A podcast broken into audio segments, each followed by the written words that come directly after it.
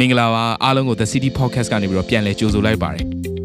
ဒီနေ့ Salmon Series မှာတော့ဆီယမဆူဇနာမေဝင်ငါမှာဖြစ်ပါတယ်စိတ်နှလုံးတကားကိုဖွင့်ထားရင်သင်ရဲ့အသက်တာကိုကောင်းကြီးမင်္ဂလာဖြစ်စေမယ်ဖခင်သခင်ရဲ့နှုတ်ကပတ်တော်ကိုအတူတူခံယူကြရအောင်ခင်ဗျာဘုရားသခင်ယေရှုတော်ကိုချီးမွမ်းပါတယ်နေ့တာသစ်မှာဘုရားသခင်ရဲ့ဂရုဏာတော်အသစ်ကိုကျမတို့ နေ့ရက်စင်တိုင်းမှာခံစားရတဲ့အတွက်ကြောင့်မလို့ဘုရားနာမသားပြီးဘုန်းကြီးပါစေ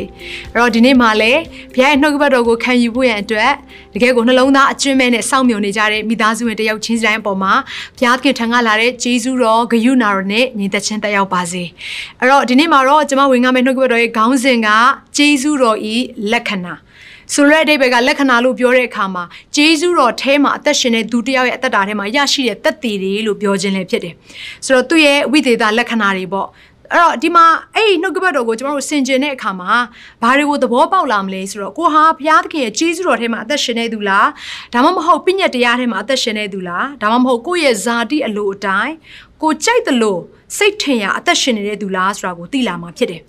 ဒါကြောင့်မလို့ဒီနှုတ်ကပတ်တော်ကိုကြားနာတဲ့အခါမှာတည့်ရဲ့အသက်တာထဲမှာငါ့ကိုဘုရားတခုခုပြုပြင်ပါလေစေငါရဲ့အသက်တာထဲမှာဘုရားသခင်တော့တာ၍ကောင်းသောလမ်းကိုပို့ဆောင်ပါလေစေဆိုတဲ့နှလုံးသားနဲ့နှုတ်ကပတ်တော်ကိုအဲထပ်မံပြီးတော့ခံယူဖို့ရန်အတွက်ကျွန်မဝေငှလိုပါတယ်။အဲ့တော့ဒီနှုတ်ကပတ်တော်ကိုသွားတဲ့အခါမှာအယုံဆုံးနားလည်ရမယ့်အရာကဂျေဇုတော်။အဲ့ဒီ grace ဆိုတဲ့စကားလုံးကဘယ်တဲကနေလာလဲဆိုလို့ရှိရင် charis နော်ဒီဒီ charis ဆိုတဲ့အဓိပ္ပာယ်ကတော့စုကျေးဇူးပေါ့ charisma စုကျေးဇူးတွေနဲ့ပတ်သက်တဲ့အရာကိုပြောခြင်းဖြစ်တယ်။သို့တော့သူ့ရဲ့နော်အထပ်ပြီးတော့အဓိပ္ပာယ်ကိုခွဲခွဲထုတ်လိုက်တဲ့အခါမှာဒီ charisma လို့ခေါ်တဲ့စုကျေးဇူးတွေဆိုတာကကျမ်းစာထဲမှာဘယ်လိုစကားလုံးနဲ့သုံးထားလဲဆိုရင် give နော်တနည်းအားဖြင့်အဲ pay ခြင်းဆိုတဲ့အရာတနည်းအားဖြင့်လက်ဆောင်ဆိုတဲ့အရာကိုတွေ့ရတယ် ဆိုလိုတဲ့အရာက grace လို့ခေါ်တဲ့ကျေးဇူးတော်ဟာ gift ဖခင်ထံကလာတဲ့လက်ဆောင်ဖြစ်တယ်ဆိုတဲ့အရာကိုသိဖို့ရန်အတွက်ဖြစ်တယ်ဆိုတော့လက်ဆောင်ဆိုတဲ့အရာမှာ ကိုကအဖိုးကထုတ်ပြီးတော့လှုပ်ဆောင်ထားတဲ့အရာမဟုတ်ဘူးဆိုပါစို့အလုတ်သွားလှုပ်တယ်ဆိုလို့ရှိရင်တန်ရာတန်ကြီးကိုရဲ့လှုပ်ဆောင်ခြင်းနဲ့ညီမျှတဲ့ငွေကြေးကိုရမယ်သို့တော့လက်ဆောင်ဆိုတဲ့အရာကတော့ကိုယ့်ကိုတန်တာမတန်တာမလိုဘူးတစ်ဖက်လူကပေးခြင်းပေါ်မှာပဲမူတည်တာဖြစ်တယ်ဒါကြောင့်မလို့ဒီကျေးဇူးတော်ကိုကျွန်တော်တို့ရဲ့အသက်တာထဲမှာခံစားရပါတယ်ဆိုတဲ့ယုံကြည်သူညီကောင်မတယောက်ချင်းစီတိုင်းအဲ့ဒီဂျေဇုတော်ရဲ့နည်းနည်းချင်းကိုကျွန်တော်တို့ဒါပြီးသဘောပေါက်ဖွင့်တယ်လိုအပ်တယ်ဂျေဇုတော်ထဲကနေပြီးတော့ဖြစ်ပေါ်လာတဲ့အရာတွေကဘာတွေလဲဆိုတဲ့အရာကိကျွန်တော်တို့သိပွင့်တယ်လိုအပ်ပါတယ်တခါတလေကျွန်တော်တို့က what is grace เนาะဂျေဇုတော်ဟာဘာလဲဆိုတဲ့အရာကိုအဲကျွန်တော်တို့သိကျင်တက်ကြတယ်ကောင်းတယ်သို့တော့နောက်ထပ်ထပ်သိရမယ့်အရာက what does grace ဂျေဇုတော်အားဖြင့်ထွက်ပေါ်လာတဲ့အရာတွေကဘာတွေလဲဆိုတဲ့အရာကိုလည်းကျမတို့ထပ်မံပြီးတော့နှလုံးသားထဲမှာသိရှိဖို့အတွက်လိုအပ်တယ်အဲ့တော့အယုံဆုံးဒီကျေးဇူးတော်အားဖြင့်ရရှိလာတဲ့သက်သေတွေပေါ့လက္ခဏာတွေကပထမတစ်ချက်ကဘာလဲဆိုလို့ရှိရင် အာဒါကဖျားဘက်ကနေပြီးတော့ပြုတ်တဲ့အပိုင်းရာပေါ့နော်ပြီးရင်ဒုတိယတစ်ချက်ကတော့လူဘက်ကနေပြီးတော့ကျေးဇူးခံစားရတဲ့အခါမှာထွက်ပေါ်လာတဲ့သက်တည်အဲ့တော့နှစ်ပိုင်းရှိတယ်နှစ်ပိုင်းထဲမှာမှာပထမတစ်ပိုင်းဖြစ်တဲ့ဖျားဘက်ကနေပြီးတော့ဒီလူအပေါ်မှာဒီကျေးဇူးတော်ခံစားရတဲ့လူတယောက်ရဲ့အပေါ်မှာဖျားဘက်ကနေပြုတ်တဲ့အရာလေးတွေကိုသိပူရန်အတွက်လိုအပ်တယ်အဲ့တော့ပထမတစ်ချက်ကဘာလဲဆိုရင်ဒီပထမတစ်ချက်ထဲမှာဖရာသခင်ရဲ့မျက်နှာသာပေးခြင်းကိုခံစားရတယ် ပြန်ပြောခြင်းနဲ့ဖခင်ရဲ့ကျေးဇူးတော်ထဲမှာအသက်ရှင်တဲ့သူရဲ့နော်လက္ခဏာကဘာလဲဆိုရင်ဖခင်ရဲ့မျက်နှာသာပေးခြင်းကိုခံစားရပါတယ်ဒီနေ့သင်ရဲ့တက်တာထဲမှာဖခင်ရဲ့မျက်နှာသာပေးခြင်းကိုလိုချင်လားဖခင်ရဲ့အကြည့်ရှုကြွရောက်ခြင်းကိုလိုချင်လားဒါဆိုလို့ရှိရင်သင်ဟာကျေးဇူးတော်ထဲမှာအသက်ရှင်တော်သူဖြစ်ပွင့်အတွက်လိုအပ်တယ်အဲ့ဒါကိုကျွန်မနော်ဒီကျမ်းချက်ကလေးနဲ့တကွာကျွန်မပြောပြခြင်းနဲ့ဗမာတွေ့ရလဲဆိုလို့ရှိရင်တောလျာကျမ်းခန်းကြီး6အခန်းငယ်24ကနေပြီးတော့26တိဖြစ်တယ် တောလျာကျမ်းအခန်းကြီး6အခန်းငယ်24ကနေပြီးတော့26ထိဖြစ်တယ်။ ထာဝရဘုရားသည်တင့်ကိုကောင်းကြီးပေး၍စောင့်မတော်မူပါစေသော။ထာဝရဘုရားသည်တင်၌မျက်နာတော်အလင်းကိုလွှတ်၍ဂယုဏကျေးဇူးပြုတော်မူပါစေသော။ထာဝရဘုရားသည်တင့်ကိုမျှော်ကြည့်၍ချမ်းသာပေးတော်မူပါစေသော။အဲ့တော့ဒီမှာဘာကိုတွေ့ရလဲဆိုလို့ရှိရင်ဘုရားသခင်ရဲ့ကောင်းကြီးပေးခြင်းဘုရားသခင်ရဲ့စောင့်မခြင်းနော်ဘုရားသခင်ရဲ့ချမ်းသာပေးခြင်းဆိုတဲ့အရာကဘယ်တဲကနေလာတဲ့အရာလဲဆိုလို့ရှိရင်ဘုရားသခင်ရဲ့မျက်နှာတော်အလင်းကိုလွတ်ခြင်းတွေကနေလာတဲ့ဂျေဇုတော်ဖြစ်တယ်တဲ့ ဆိုတော့ဘုရားရဲ့မျက်နှာအလင်းကိုလွတ်တယ်ဆိုတာဘာကိုပြောတာလဲဆိုတော့အင်္ဂလိပ်ကျမ်းစာထဲမှာပြန်ကြည့်လိုက်တဲ့အခါမှာ favor ဖះရဲ့မျက်နှာသာပေးခြင်းကိုပြောခြင်းဖြစ်တယ်ဆိုတော့ဆိုပါစို့အဲ့ဒီဖះရဲ့မျက်နှာတော်အလင်းလွှတ်ခြင်းဖះရဲ့မျက်နှာသာပေးခြင်းကိုထပ်ပြီးတော့ရှင်းလင်းအောင်ပြောပြမယ်ဆိုရင်သီဟီတာတစ်ခုထဲမှာတကယ်ခမ်းမအကြီးကြီးတစ်ခုထဲမှာเนาะဆိုပါစို့အာလူတွေမြောက်များစွာလာကြမယ်အဲ့ဒီအချိန်မှာဒီ symbol မှာလူတယောက်ကတချင်းဆိုမယ်ဆိုပါစို့ ဆိုတော့အဲ့ဒီလူတွေမြောက်များစွာရှိပင်မဲ့ အပေါ်ကနေပြီးတော့အလင်းပေါ့နော်ဒီ slide ထိုးတဲ့အခါမှာလူတိုင်းကိုသူကလိုက်မထိုးဘသူကိုပဲအဲ့ဒီ slide ကထင်ထင်ရှားရှားဖြစ်သွားအောင်သူကနော်မီထုံးပြတာလဲဆိုတော့ stage ပေါ်မှာရှိနေတဲ့အဲ့ဒီလူတစ်ယောက်ကိုပဲသူကမီထုံးပြတာတယ်ဆိုတော့ဖခင်ရဲ့မျက်နှာတော့အလင်းလွတ်ချင်းဆိုတဲ့အရာကအဲ့ဒီအရာလေးနဲ့မြင်သာထင်သာအောင်ရှိအောင်ကျွန်မပုံဥပမာပြောခြင်းဖြစ်တယ်ဆိုလိုတဲ့အရာကဒီနေ့ဖခင်ရဲ့မျက်နှာသာပေးခြင်းကိုခံရတဲ့သူကလူမြောက်များစွာ တနေရာထဲမှာရှိကြမယ်လူမြောက်များစွာဟာဒီလိုအခြေအနေကိုကြုံဆုံရမယ်သို့တော့အဲ့ဒီလူရဲ့အသက်တာထဲမှာတော့ထူးခြားနေတယ်။မှောင်မိုက်နေတဲ့အရက်ခက်ခဲနေတဲ့အရက်ဝမ်းနည်းစရာကောင်းတဲ့အရက်မှာရှိနေရင်တောင်မှအဲ့ဒီဖရားသခင်ရဲ့ဂျေဇူးပြုခြင်းဖရားသခင်မျက်နှာအလင်းနော်ထွန်းလင်းခြင်းကိုခံရတဲ့သူရဲ့အသက်တာထဲမှာတကယ်ဖရားရဲ့ဘုံထင်ရှားခြင်းဆိုတာတက်ရောက်လာတယ်ဒီနေ့နှုတ်ကပတ်တော်ကဘာကိုပြောနေလဲဆိုတော့တဲ့ရဲ့အသက်တာထဲမှာတဲ့ဖခင်ရဲ့မျက်နှာသာပေးခြင်းကိုခံစားရရှိခြင်းနဲ့ဆိုလို့ရှိရင်ဖခင်ရဲ့ကျေးဇူးတော်ထဲမှာရှောက်လန်းဖို့ရန်အတွက်ဖြစ်တယ် အာမင်အဲ့တော့ဒီကျေးဇူးတော်လို့ပြောတဲ့အခါမှာเนาะဒါလေးကိုကျွန်မနည်းနည်းလေးအဲနားလည်အောင်ပြောပြမယ်ဆိုရင်အဲ့ဒီမျက်နာတော်အလင်းလွတ်ခြင်းဘုရားရဲ့မျက်နှာသာပေးခြင်းဆိုတော့နောက်တစ်ခုကဘာလဲဆိုတော့ဘုရားရဲ့ presence လည်းဖြစ်တယ်ဘုရားရဲ့မျက်မှောက်တော်လည်းဖြစ်တယ်ဆိုတော့ဘုရားရဲ့ကျေးဇူးတော်ထဲမှာအသက်ရှင်တက်တဲ့သူကဘုရားရဲ့မျက်မှောက်တော်ထဲမှာအစဉ်မြဲနေတယ် မျက်မှောက်တော်ဆိုတာဘာကိုပြောရလဲဘုရားသခင်နဲ့မျက်နှာချင်းဆိုင်ပြီးတော့ဘုရားသခင်နဲ့အချိန်ယူခြင်းကိုပြောခြင်းလည်းဖြစ်တယ်အဲ့ဒီဘုရားရဲ့မျက်မှောက်တော်ထဲမှာနော်ဘုရားသခင်နှစ်သက်တဲ့အသက်တာနဲ့သွာလာခြင်းကိုလည်းပြောခြင်းဖြစ်တယ် အေးအဲ့လိုလူရဲ့အသက်တာထဲမှာမှဘုရားခင်ကသူ့ရဲ့ attention အားလုံးကိုမပေးဘူးဆိုကျန်တဲ့သူကိုပေးကြမရှိတော့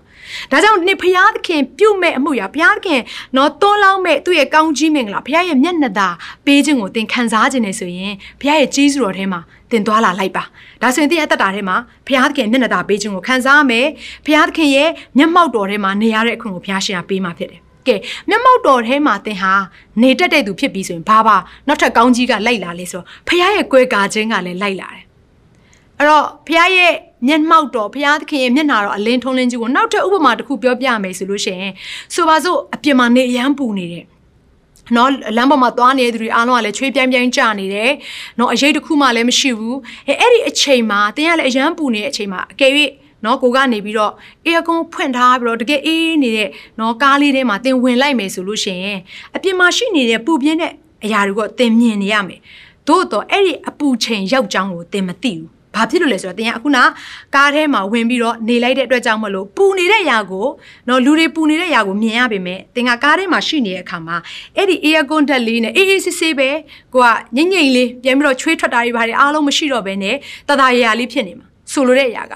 ဒီနေ့သင်ဟာဖျားသခင်ရဲ့ကျေးဇူးတော်ထဲမှာအသက်ရှင်သွားလာပြီးတော့ဖျားသခင်ရဲ့မျက်နှာတော်အလင်းထွန်းလင်းခြင်းကိုခံရပြီးဖျားရဲ့မျက်နှာသာပေးခြင်းကိုခံရပြီးဖျားရဲ့မျက်မှောက်တော်ထဲကိုသင်ရောက်ပြီဆိုလို့ရှိရင်အခုနကားထဲမှာနော်တက်တောင့်တက်တာဖြစ်နေတဲ့သူလိုပဲလောကမှာ တကယ့်ကိုပူလောင်စရာကောင်းတဲ့အခြေအနေလောကမှာရှုပ်ထွေးစရာကောင်းတဲ့အခြေအနေတွေလောကမှာစိန်ခေါ်စရာကောင်းတဲ့အခြေအနေတွေဘလောက်ပဲရှိနေပါစေသင်ဖခင်ရဲ့မျက်မှောက်တော်ထဲမှာဖခင်ရဲ့မျက်နှာသာပေးခြင်းကိုသင်ခံစားရပြီဆိုလို့ရှိရင်တော့တည့်ရတတ်တာဟာအမြဲတမ်းငြိမ်သက်ခြင်းကိုခံစားနေရမှာဖြစ်တယ်ဖခင်ရဲ့ကာကွယ်ခြင်းကိုခံစားနေရမှာဖြစ်တယ်ဖခင်ရဲ့လမ်းပြခြင်းကိုခံစားနေရမှာဖြစ်တယ်အဲ့ဒါကိုဘာမှတွေ့ရလဲဆိုတော့ဖခင်ရဲ့မျက်နှာသာပေးခြင်းကိုခံရတဲ့သူတယောက်အကြောင်းရှိတယ်သူကတော့ဓမ္မဟောင်းကျမ်းထဲမှာဖြစ်တယ်သူရဲ့နာမည်ကနောအေးလို့ခေါ်တယ်အဲ့တော့ကပ္ပဦးကျမ်းခန်းကြီး6အခန်းငယ်8ကနေ9ကိုကြည့်မယ်ဆိုရင်နောအေးမူကသာရဖျားစိတ်တော်နှင့်တွေ့တော်သူဖြစ်သည်အင်္ဂလိပ်လိုဆိုလို့ရှိရင် Noah no ဒီဒီ Noah found favor in the eyes of the Lord ဖျားရဲ့အရှိမတဲ့နောအေးဟာတဲ့ဖျားရဲ့မျက်နှာသာပေးခြင်းကိုခံရတယ်ဖျားရဲ့ကြည့်ရှုခြင်းကိုခံရတယ်တဲ့အာမင်ဘလို့ဖြစ်လာဆိုတော့နောအေးဒီဖြောင့်မတ်တော်သူမိမိအမျိုး၌စုံလင်တော်သူဖြစ်လာတယ်တဲ့အဲ့တော့သူ့မှာအမျိုးမြောက်များစွာရှိတယ်သူ့ရဲ့ပတ်ဝန်းကျင်မှာ နော်သူနဲ့အအမျိုးတွေရှိနေပေမဲ့အဲ့ဒီမိသားစုအမျိုးပတ်ဝန်းကျင်တွေထဲမှာမှနောအေးဟာရွေးချယ်ခြင်းကိုခံရတယ်။မျက်နှာသာပေးခြင်းကိုခံရတယ်။ဘာဖြစ်လို့လဲဆိုတော့ကျမ်းစာကရေးထားတယ်။ဖျားခင်နဲ့အတူသွားလာတယ်။ဆိုတဲ့သဘောကဖျားရဲ့မျက်မှောက်တော်ထဲမှာသူနေနေတယ်။နော်ဖျားရဲ့အာမျက်နှာသာပေးခြင်းကိုသူခံစားနေရတယ်။ဘာဖြစ်လို့လဲဆိုတော့ဖျားရဲ့ဂျေဇုပြုခြင်းထဲမှာသူကအသက်ရှင်နေလို့ဖြစ်တယ်။အာမင်။ဒါကြောင့်မလို့ညီကိုမောင်မများတင့်ရဲ့အသက်တာထဲမှာလူတွေမမြင်ရတဲ့ နော်လူတွေမသိနိုင်တဲ့ဖခင်ရဲ့ကွယ်ကာခြင်းဖခင်ရဲ့မဆခြင်းဖခင်ရဲ့လက်တော်တက်ရောက်ခြင်းနဲ့တမိသားစုထဲမှာတက်ရောက်ခြင်းနဲ့ဆိုရင်ဒီနေ့ဖခင်ရဲ့ဂျေဇုကိုသိမှတ်ဆွဲလန်းတော်သူဖြစ်ရမယ်ကိုလုံနေကိုလုံလို့ကိုရတာနော်ဟိုကိုကတော်လို့ကိုရတာဆိုရဲစိတ်တက်နေဆိုရင်တော့ကိုရဲ့အတွေးခွန်နဲ့ဆိုရင်တော့ဒီနေ့ဘုရားရဲ့ဂျေဇုကိုခံစားရမှာမဟုတ်ဘူး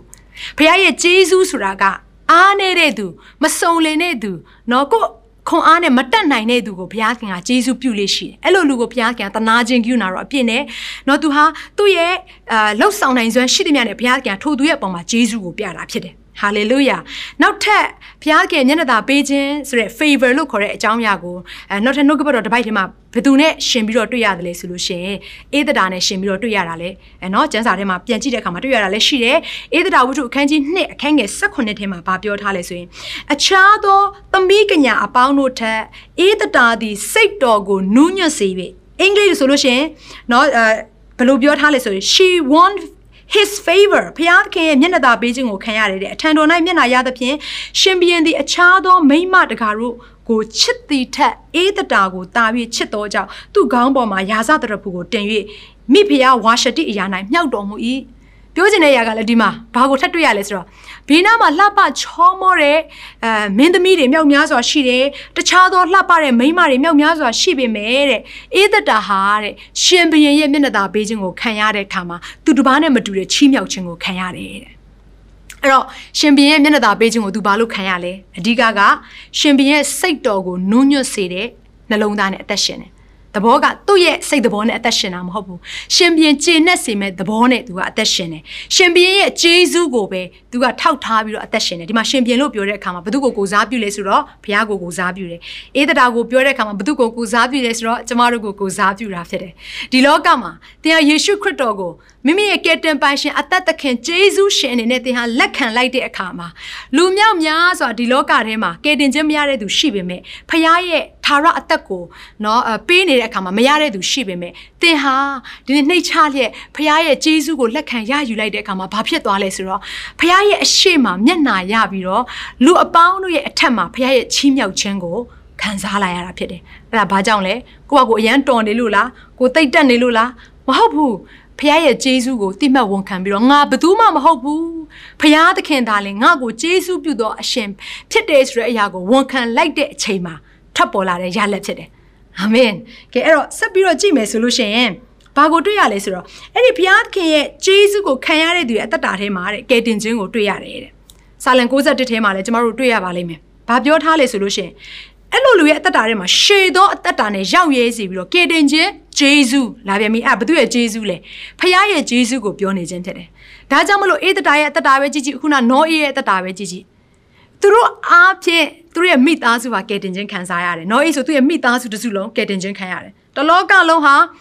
ဖျားသခင်ရဲ့နော်အာဆုံးမခြင်းကိုခံနေရတဲ့အခါမှာနောအေးနဲ့သူ့ရဲ့မိသားစုကပဲဖျားသခင်ရဲ့ကယ်တင်ခြင်းကိုခံရတာဖြစ်တယ်ဒီလိုပဲအေးတတာလည်းထို့အတူပဲ သူတို့ရဲ့တမျိုးလုံးယူတာတမျိုးလုံးနော်ဒီရန်သူလက်ထဲမှာဆုံးရှုံးရတော့မယ့်အချိန်မှာဘာဖြစ်လို့ကယ်တင်ခြင်းကိုခံရလဲဆိုတော့ဖះရဲ့စိတ်သဘောနဲ့သူဟာနော်တွေ့တော်သူဖြစ်တယ်နော်ရှင်ဘီရဲ့အရှိမလည်းနှိမ့်ချတော်သူဖြစ်တဲ့အခါမှာမျက်နှာသာပေးခြင်းကိုခံစားလိုက်ရတယ်ဒီနေ့ကျွန်မပြောပြခြင်းတယ်ဖះရဲ့ဂျေဇူးပြုခြင်းကိုသင်လက်ခံမယ်ဆိုလို့ရှိရင်ဖះရဲ့မျက်နှာသာပေးခြင်းကိုသင်ရမယ်ဖះရဲ့ကောင်းမြတ်ခြင်းရှိသမျှကိုသင်ခံစားရမယ်ဖះသခင်ရဲ့ကယ်လွတ်ခြင်းကိုသင်ခံစားရမယ်သင်ရဲ့အတ္တထဲမှာချီးမြှောက်ခြင်းရှိလာရှိလာမှာဖြစ်တယ် တခြားသူတွေကနှိတ်ချခြင်းကိုခံနေရတဲ့အခါမှာဟာလေလုယာသင်ရဲ့အသက်တာထဲမှာငါဟာဖခင်ရဲ့ချီးမြှောက်ခြင်းကိုသိခံရတာပဲဆိုပြီးတော့နော်ကိုကိုကိုဝါကြွားတာမဟုတ်ဘဲနဲ့ဖခင်ရဲ့ကျေးဇူးကြောင့်ဆိုပြီးတော့ဝါကြွားလာနိုင်တဲ့အဆင့်ဒီဖခင်ရှင်ကသင်ကိုပို့ဆောင်လာမှာဖြစ်တယ်အဲ့တော့ဒါကတော့ပထမတစ်ချက်ဖြစ်တယ်နော်ဒုတိယတစ်ချက်ကဘာလဲဆိုလို့ရှိရင်ဖခင်သခင်ရဲ့ကျေးဇူးတော်အแทမှာအသက်ရှင်တဲ့သူရဲ့အသက်တာထဲမှာဖခင်နောက်တစ်ခုပြုတဲ့အမှုရာကထိုသူကိုဖခင်ရှင်ဟာတဲ့တွန်တင်တယ်တဲ့ ပြန်ပြောခြင်းနဲ့ထိုသူကိုဘုရားရှင်ကဘာလုပ်လဲဆိုတော့တုံတင်ပေးတယ်အဲ့တော့ဘုရားရှင်အဲတုံတင်ခြင်းကိုခံရတဲ့အရာကကောင်းလားလို့ပြောလို့ရှိရင်ချို့တွေကမကြိုက်ကြအောင်ဟာဘုရားခင်ရိုက်မှာတိတ်ကြောက်တာပဲနော်နေဒီလိုနေနော်ဘုရားခင်တို့ရိုက်မယ်နော်အဲ့တော့ဘုရားခင်ဆုံးမမဲ့အရာဘုရားခင်တုံတင်မဲ့အရာကိုတချို့တွေကတိတ်ပြီးတော့နော်လက်မခံကျင်ကြတဲ့သူတွေကြောက်တဲ့သူတွေရှိတယ်သို့တော့ဒီမှာတော့ကျမကတော့ဘယ်လိုပြောချင်လဲဆိုရင်ဘုရားသခင်ရဲ့တုံတင်ခြင်းဆိုတာကကျမတို့ကိုတရားလမ်းတွေကိုခေါ်ဆောင်ပြီးတော့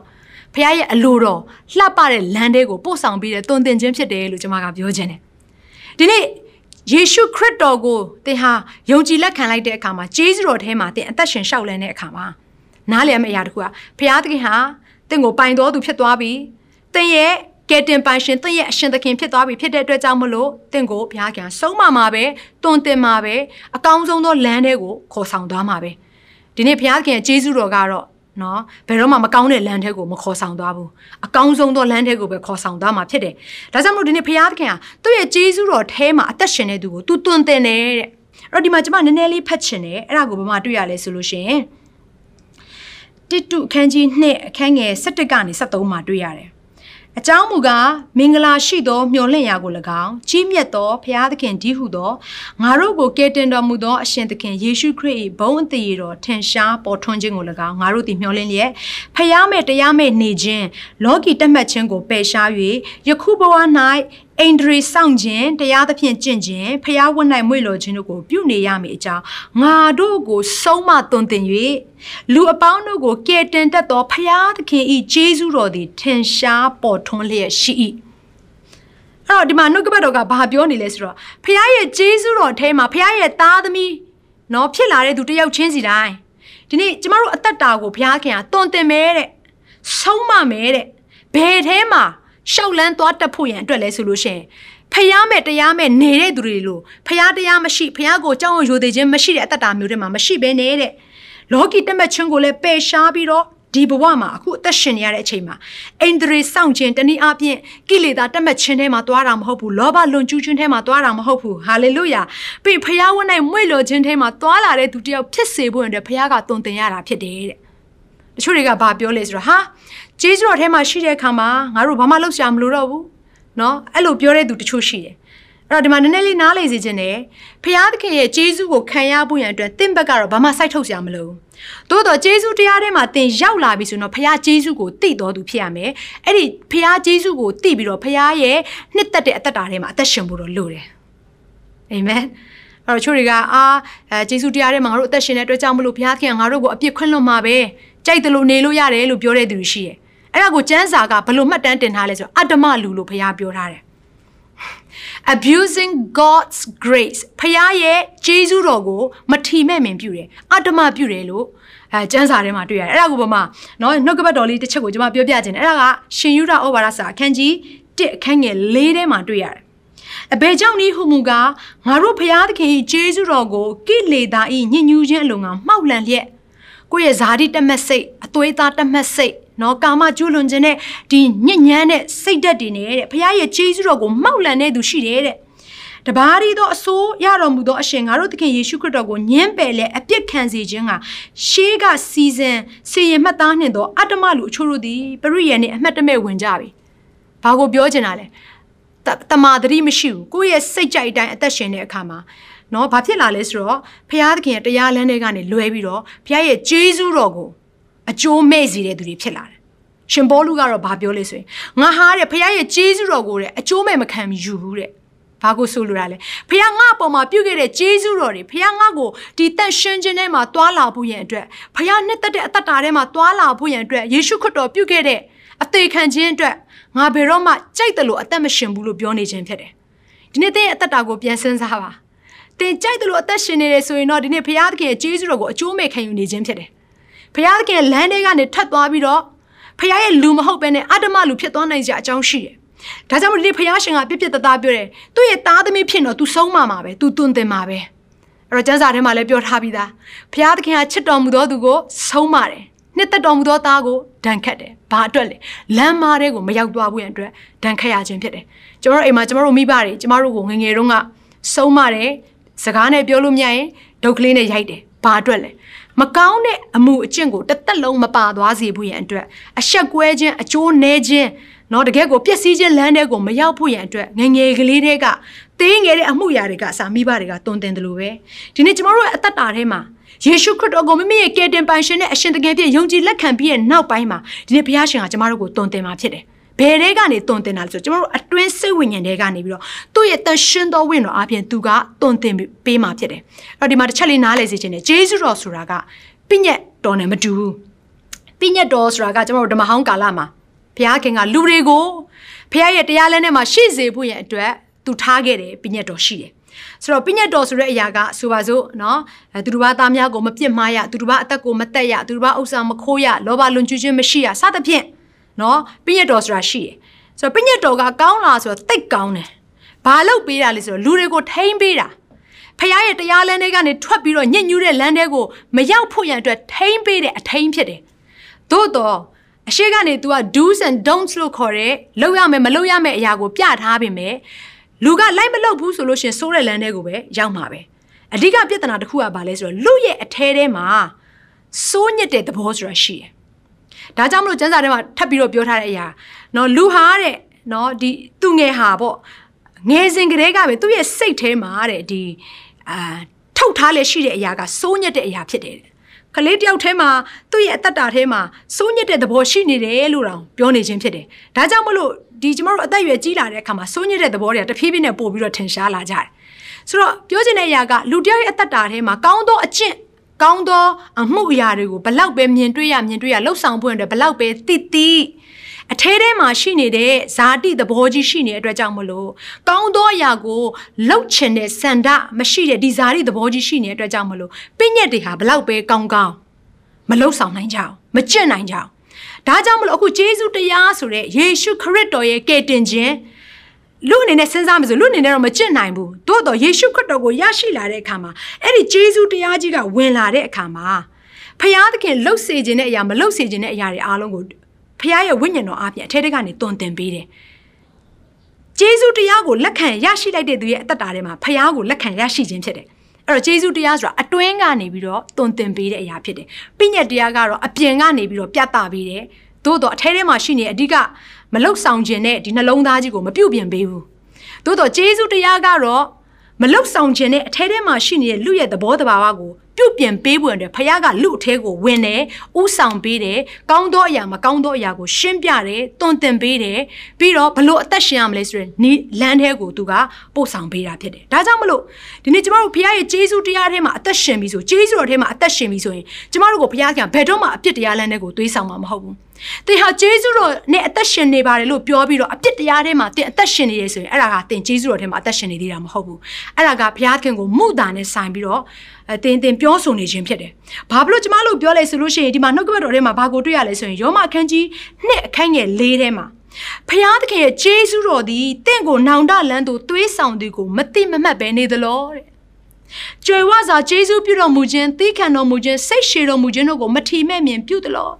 ဒီနေ့ဖခင်ရဲ့ဂျေဇုတော်ဟာတင့်ကိုကောင်းသောလမ်းကိုပို့ဆောင်တယ်မကောင်းသောလမ်းထဲကိုရောက်နေအောင်မှနောင်တနဲ့ဖခင်ထံကိုပြန်လှည့်လာဖို့အတွက်အတွင်းထဲကနေပြီးတော့ပြုတ်ပြင်ပေးတဲ့ဂျေဇုဖြစ်တယ်ဒီနေ့ဘုရားခင်သင်ရဲ့အသက်တာကိုလွတ်မြောက်စေခြင်းနဲ့ညီကိုမမများဒါကြောင့်မလို့သင်ရဲ့အသက်တာထဲမှာ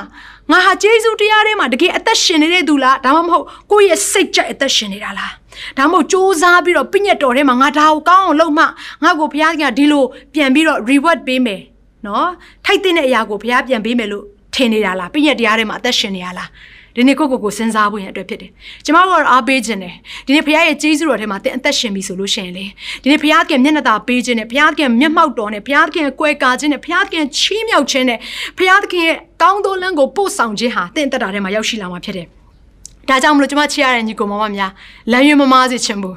။သိခဲ့ပါတယ်နှုတ်ကပတ်တော်ကို သို့တော့စူးစမ်းပြီးတော့အသက်ရှင်နေတဲ့သူလားဖခင်ရဲ့ကျေးဇူးတော်ကိုဝန်ခံပြီးတော့အသက်ရှင်နေတဲ့သူလား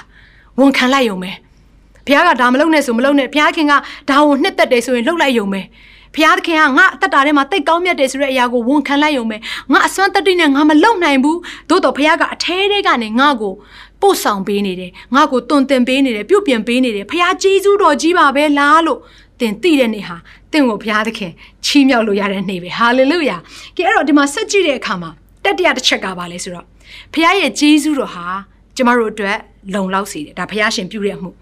နော်ဘုရားရဲ့ကြီးစုတော်ထဲမှာသွားလာတဲ့သူတွေရဲ့အသက်တာထဲမှာသူတို့စီမှာမလုံလောက်တယ်ဆိုတာမရှိဘူးလုံလောက်နေတယ်လုံလောက်တာနဲ့မကဘဲနဲ့ပိုရှင်ရဲ့အသက်တာဒီဘုရားသခင်ကပို့ဆောင်ပေးတယ်ကောင်းကြီးပေးတယ်အဲ့တော့လုံလောက်တဲ့ဂျေဇူးလို့ကျွန်မဘာဖြစ်လို့ပြောလဲဆိုရင်နှစ်ကောအခန်းကြီး7အခန်းငယ်6ကနေ10ထဲမှာထိုအရာကိုတွေ့ရတယ်ဘုရားကဘာပြောထားလဲဆိုရင်ငါဂျေဇူးသည်တင့်ဖို့လောက်ပေ၏ ဘုရားသခင်ရဲ့ဂျေဇူးဟာတဲ့ကျွန်တော်တို့အသက်တာထဲမှာလုံလောက်တယ်တဲ့ငါတကိုးသည်အားနေခြင်းအဖြစ်၌စုံလင်တတ်သည်ဟုမိန့်တော်မူ၏နောက်ဆုံးသင်အားနေနေတဲ့အခြေအနေဖြစ်နေအောင်မှာတဲ့ဘုရားသခင်ရဲ့ဂျေဇုတော်ဟာတင့်အပေါ်မှာရောက်ရှိလာတဲ့အခါမှာ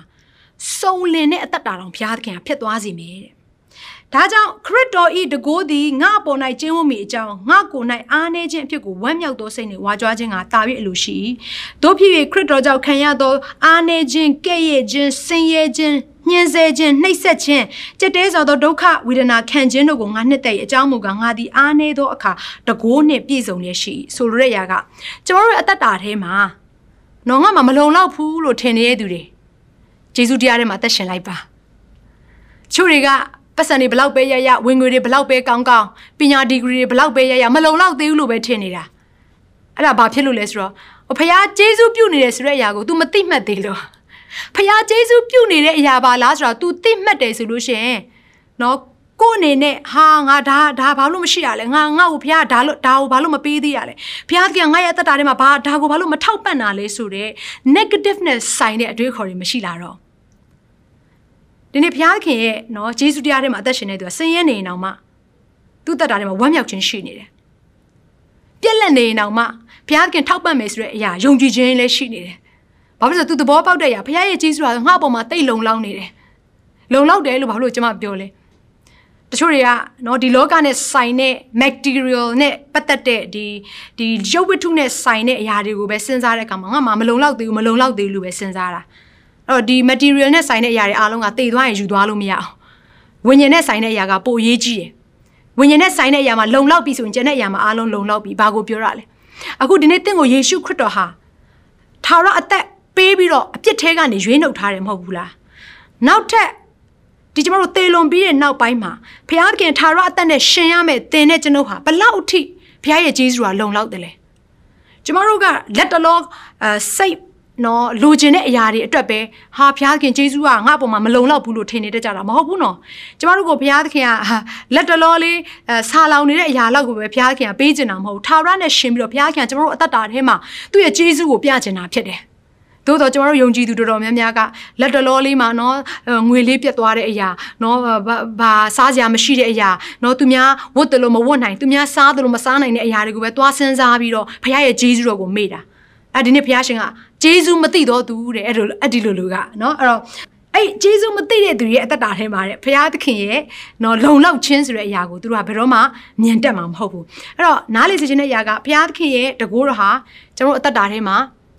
ထင်ရှားပြသဖို့ရန်အတွက်အဲတင့်အနေနဲ့စ조사စရာမလိုဘူး ဖခင်ရဲ့ဂျေဇုတော်ကိုဝန်ခံနေဖို့ပဲလိုတယ်အဲ့တော့ကျမ်းစာထဲမှာဘယ်လိုပြောထားလဲဆိုအားနေခြင်းရှိလာလေလေဖခင်ရဲ့တကိုးတော်ဖခင်ရဲ့ဘုန်းတော်ကတာ၍ထင်ရှားလေလေတဲ့ဘာကိုပြောရလဲဥပမာတစ်ခုကိုပြမယ်ဆိုလို့ရှိရင်မဿဲအခန်းကြီး14နဲ့မဿဲအခန်းကြီး15မှာတွေ့ရတဲ့အဖြစ်အပျက်နှစ်ခုရှိတယ်ပထမတစ်ခုကမဿဲအခန်းကြီး14မှာလူ9000ကိုမုံ9လုံးနဲ့9နှကောင်ကျွေးခဲ့တဲ့ အဲကိစ္စဖြစ်တယ်ဆိုတော့လူ9000အရေအတွက်အပြင်9000များတယ်သို့တော့မုတ်ကလေးကနော်အာ9လုံးနဲ့9နှစ်ကောင်ပဲရှိတယ်အဲ့ဒီအချိန်မှာလူတွေကိုကျွေးတဲ့အခါမှာနမိတ်လက္ခဏာဖြစ်တဲ့အခါမှာဘယ်နှတောင်းပို့တယ်လဲဆိုတော့နောက်ဆုံးမုတ်နေမုတ်တင်ငါးတွေကိုပြန်ပြီးတော့ကောက်ယူတဲ့အခါမှာ12တောင်းရတယ်တဲ့ဒါပေမဲ့မဿဲခန်းကြီး15ကိုရောက်လာတဲ့အခါမှာဒီလိုအဖြစ်ပြက်မျိုးနောက်တစ်ခေါက်ထပ်ဖြစ်တယ်သို့တော့လူက9000မဟုတ်လူက4000ယော့သွားပြီဆိုတော့ပြီးရင် မော့ခုနကတော့မော့၅လုံးနဲ့၅နှစ်ကောင်အခုဒီမှာကတော့မော့9လုံးနဲ့ပြီးရင်ငါအနှဲငယ်ဆိုတဲ့သဘောကနှစ်ကောင်ထက်တောင်များနေတဲ့သဘောကိုပြောခြင်းဖြစ်တယ်ဆိုတော့အဲ့ဒီအချိန်မှာကြတော့တဲ့အာတောင်းနဲ့ပြန်ပြီးတော့ကောက်သိမ်းလိုက်တဲ့အခါမှာပိုတဲ့နော်မုတ်အကျွင်းကြံတွေကိုပြန်ပြီးတော့ကောက်သိမ်းလိုက်တဲ့အခါမှာဘယ်နှဘယ်နှတောင်းရလဲဆိုတော့9တောင်း ကြံတယ်ပေါ့နော်ဆိုလိုတဲ့အရာကလူများတဲ့အချိန်မှာနော်တကယ်ကို challenge ဖြစ်တယ်မဟုတ်ငါလုံးနဲ့ငါနှကောင်ဆိုရင်နည်းနည်းလေးအတိုင်းအတာရှိတဲ့အချိန်မှာအားနည်းနေတဲ့အချိန်မှာဘုရားသခင်ဂျေဇုတော်ဟာပို့ပြီးတော့ထင်ရှားတယ်ဆိုတဲ့အရာကိုမြင်တွေ့ရတယ်ဘာဖြစ်လို့ဆိုဒုတိယတစ်ခုမှကြတော့မုတ်က9000တောင်းပဲပို့တယ်ပထမတစ်ခုမှကြတော့လူလဲများတယ်မုတ်လဲနဲတယ်ငါလဲနဲတယ်သို့တော့မုတ်က12တောင်းတောင်ပို့တယ်ပြောချင်တဲ့အရာကကျမတို့ရဲ့အသက်တာထဲမှာအားနည်းလာပြီး နော်ဂျေဇုတော်ထဲမှာတင်အသက်ရှင်နေတဲ့သားနဲ့နော်တကယ်ကိုအာဝမ်းနေခြင်းတွေနဲ့ကြုံတွေ့ရတယ်ကိုယ့်ကိုနော်တကယ်တစ်ခါတည်းကြလို့ရှင်မလုံလောက်တော့ဘူးတကယ်ဟိုအာဖျားသခင်ရဲ့မျက်နှာသာမပေးတော့ဘူးလားလို့ခံစားနေရလားဒါမှမဟုတ်သူများရဲ့နောက်မှာကြံခဲ့ရပြီလို့သင်ခံစားနေရလားဒင်းကျမပြောခြင်းတယ်ဖျားရဲ့ဂျေဇုတော်လမ်းထဲမှာပဲသင်လျှောက်လန်းနေပါဖျားသခင်ရဲ့ထောက်ပံ့ခြင်းဖျားသခင်ရဲ့မာစာခြင်းဆိုတာတက်ရောက်လာလိမ့်မယ်ဒီနေ့ဖျားသခင်ပေးတဲ့ဂျေဇုတော်ဟာလုံလောက်ပါတယ်အာမင်